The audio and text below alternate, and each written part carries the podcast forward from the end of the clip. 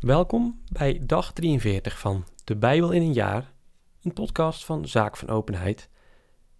Vandaag lezen we Leviticus 6 en 7, Psalm 43 en Matthäus 26, vers 26 tot en met 50. Leviticus 6. Degene onder zijn zonen, die als zijn opvolger tot priester wordt gezalfd, moet dat doen. Dit is een eeuwig geldende wet. Het moet geheel voor Jaweh en rook opgaan, want elk spijsoffer van een priester moet helemaal worden verbrand en niets mag ervan worden genuttigd.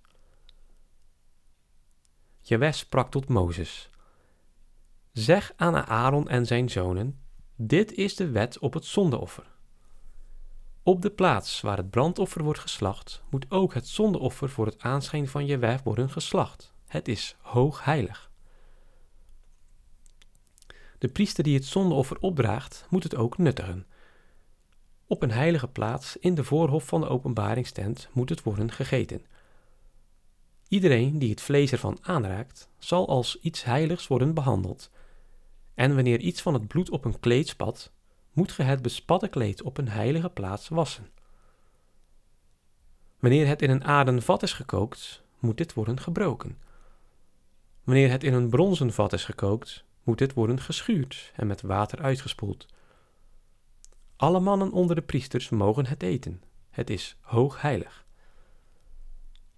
Maar een zondeoffer, waarvan het bloed binnen de openbaringstent is gebracht om er in het heiligdom de verzoeningsplechtigheid mee te verrichten, mag niet worden gegeten. Dit moet in het vuur worden verbrand. Jawes sprak tot Mozes wanneer iemand zondigt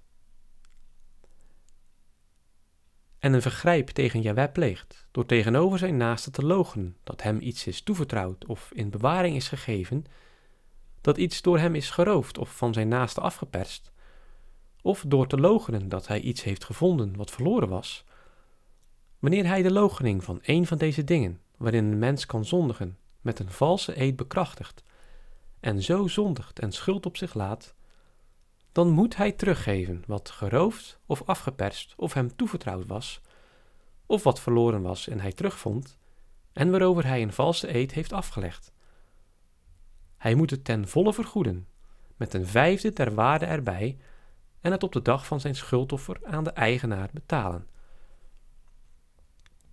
Bovendien moet hij voor Jewe de waarde van een gave ram uit het kleinvee als zijn schuldoffer naar de priester brengen zo zal de priester verzoening voor hem verkrijgen, voor het aanschijn van Jewe, en zal hem vergiffenis worden geschonken voor alles wat hij misdreven heeft. Jewe sprak tot Mozes: Geef aan Aaron en zijn zonen het volgende bevel. Dit is de wet op het brandoffer. Het brandoffer moet heel de nacht door tot aan de morgen op de vuurhaard van het altaar blijven liggen en het altaarvuur moet daarop blijven branden. Dan moet de priester zijn linnen tuniek aandoen en over zijn lichaam het linnen heupkleed aantrekken, vervolgens de as wegruimen, waartoe het brandoffer op het altaar door het vuur is verteerd, en die naast het altaar werpen. Dan moet hij zijn kleren uittrekken en andere aandoen, en de as op een reine plek buiten de legerplaats brengen. Het vuur op het altaar moet branden blijven en mag niet worden gedoofd. Iedere ochtend moet de priester daarop hout ontsteken, het brandoffer erop leggen en de vette stukken van de vredeoffers daarop in rook doen opgaan. Altijd moet het vuur op het altaar blijven branden. Het mag nooit worden gedoofd. Dit is de wet op het spijsoffer. De zonen van Aaron moeten het voor het aanschijn van Jewe voor het altaar brengen. Dan moet een van hen een handvol meelbloem van het spijsoffer nemen en iets van de daarbij horende olie, met al de wierook die bij het spijsoffer hoort, en het op het altaar als een belriekend reukoffer voor Jewe in rook doen opgaan. De rest moeten Aaron en zijn zonen opeten. Ongedecemd moet het op een heilige plaats worden gegeten, in de voorhof van de openbaringstent. Het mag dus niet gedecemd worden gebakken. Ik sta hun dit af als hun deel van mijn vuuroffers. Het is hoogheilig, evenals het zonde- en schuldoffer. Alle kinderen van Aaron die van het mannelijk geslacht zijn, mogen het eten. Het is voor uw nageslacht een eeuwig geldende wet met betrekking tot de vuuroffers van Jewe. Al wie ze aanraakt, moet als iets heilig worden behandeld. Jewe sprak tot Mozes. Dit is de offergave die Aaron en zijn zonen Jewe moeten brengen, wanneer zij worden gezalfd. Als dagelijks spijsoffer moeten zij een tiende eva meelbloem brengen, de ene helft des morgens, de andere helft des avonds. In een pan moet het met olie worden toebereid. Je moet het aangemaakt brengen. Daarna moet je het in stukken breken en als een welriekend spijsoffer Jaweh aanbieden.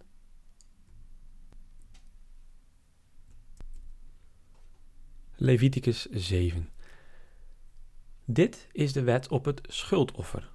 Het is hoogheilig. Op de plaats waar men het brandoffer slacht, moet men ook het schuldoffer slachten, en de priester moet het altaar aan alle kanten met zijn bloed besprenkelen.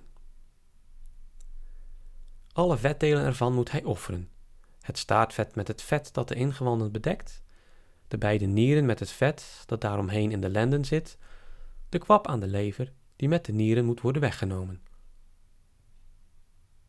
De priester moet het op het altaar in rook doen opgaan als een vuuroffer voor Jahweh. Het is een schuldoffer. Alle mannen onder de priesters mogen het eten. Op een heilige plaats moet het worden genuttigd, want het is hoogheilig.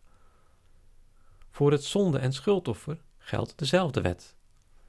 Het zal de priester behoren die er de verzoeningsplechtigheid mee verricht. Ook de huid van iemands brandoffer is voor de priester die het opdraagt. Elk spijsoffer dat in de oven is gebakken of in een pot of pan is bereid, komt de priester toe die het opdraagt.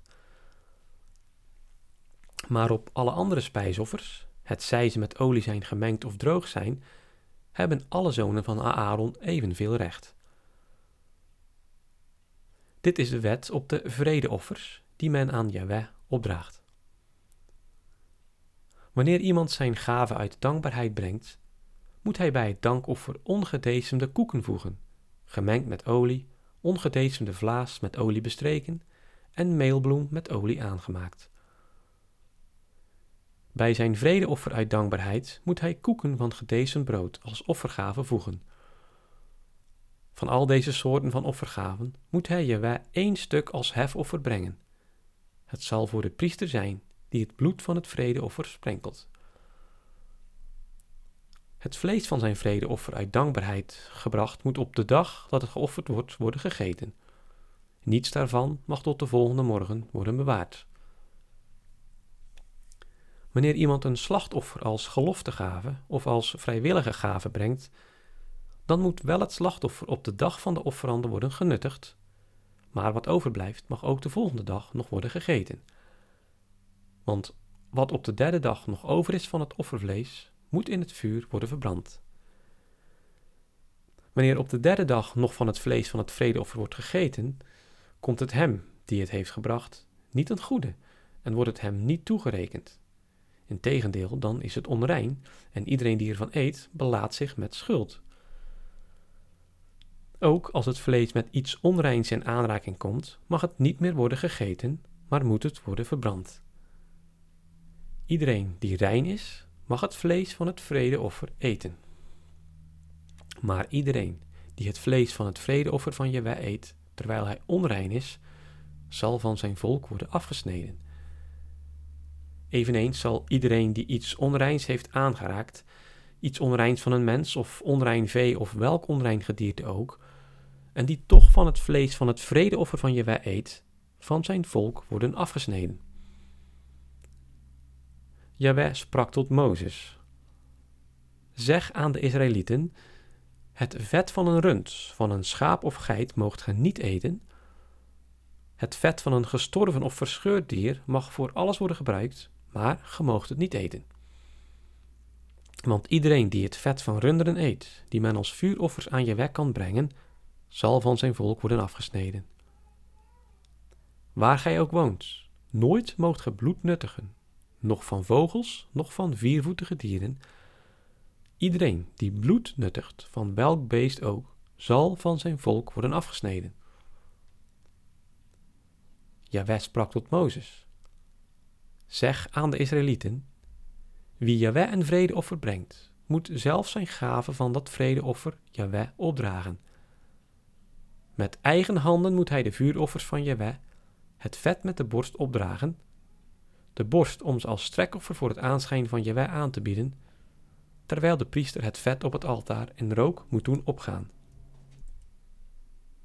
De borst valt dan Aaron en zijn zonen ten deel. De rechterschenkel van uw vredeoffer moet ge als hefoffer aan de priester geven. Wie van Aarons zonen het bloed en het vet van het vredeoffer heeft opgedragen, ontvangt de rechterschenkel als zijn deel. Want de borst die als strekoffer en de schenkel die als hefoffer wordt gebracht, neem ik van het vredeoffer der Israëlieten af, om ze de priester Aaron en zijn zonen te geven, als het deel dat de Israëlieten hun steeds moeten afstaan. Dit is dus het deel van Jewes vuuroffers, dat Jeweh voor Aaron en zijn zonen heeft bestemd op de dag dat hij hen deed aantreden om zijn priesters te zijn. En dat, zoals Jeweh op de dag van hun zalving bevolen heeft, de Israëlieten aan hen moeten afstaan. Het is een eeuwig geldend recht voor hun nageslacht. Dit is dus de wet op de brand- en spijsoffers, op de zonde- en schuldoffers, op de wijdings- en vredeoffers, die Jahweh op de berg Sinaï aan Mozes heeft voorgeschreven op de dag dat hij hem beval dat de kinderen Israëls in de woestijn van de Sinaï hun offergaven aan Jahweh zouden brengen.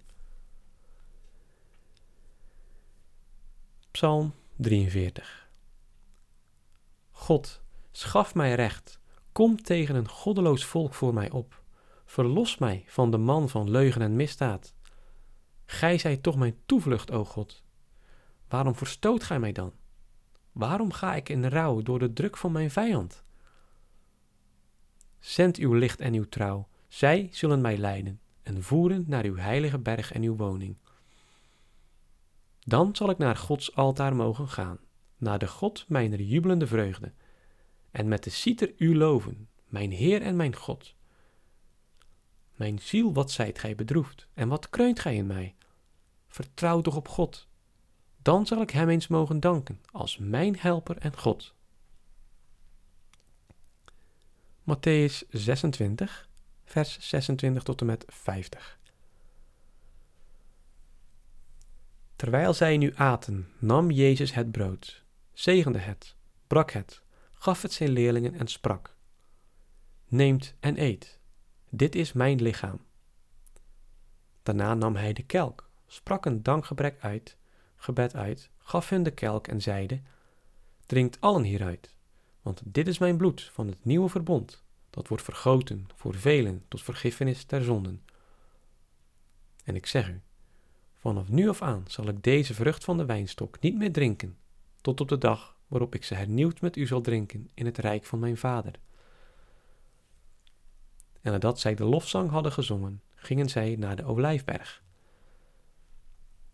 Toen sprak Jezus tot hen: Deze nacht zult gij allen aan mij worden geërgerd.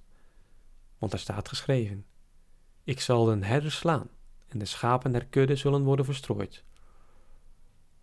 Maar wanneer ik verrezen zal zijn, zal ik u voorgaan naar Galilea.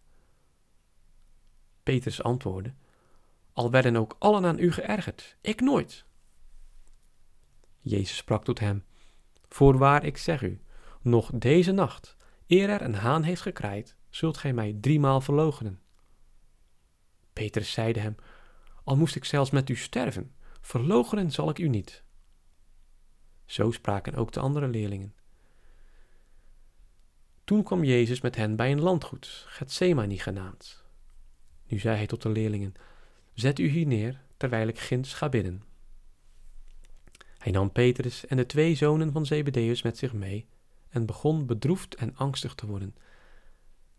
En hij sprak tot hen: Mijn ziel is dodelijk bedroefd, blijft hier met mij waken. Hij ging nog een weinig verder, viel biddend op zijn aangezicht neer en sprak: Mijn vader, indien het mogelijk is, laat deze kelk mij voorbij gaan. Maar niet zoals ik wil, maar zoals gij het wilt. Nu ging hij naar zijn leerlingen terug en vond ze in slaap. En hij sprak tot Petrus: Kunt gij dan niet één uur met mij waken? Waakt en bid, dat gij niet in bekoring komt. De geest is gewillig, maar het vlees is zwak. Opnieuw ging hij heen en bad.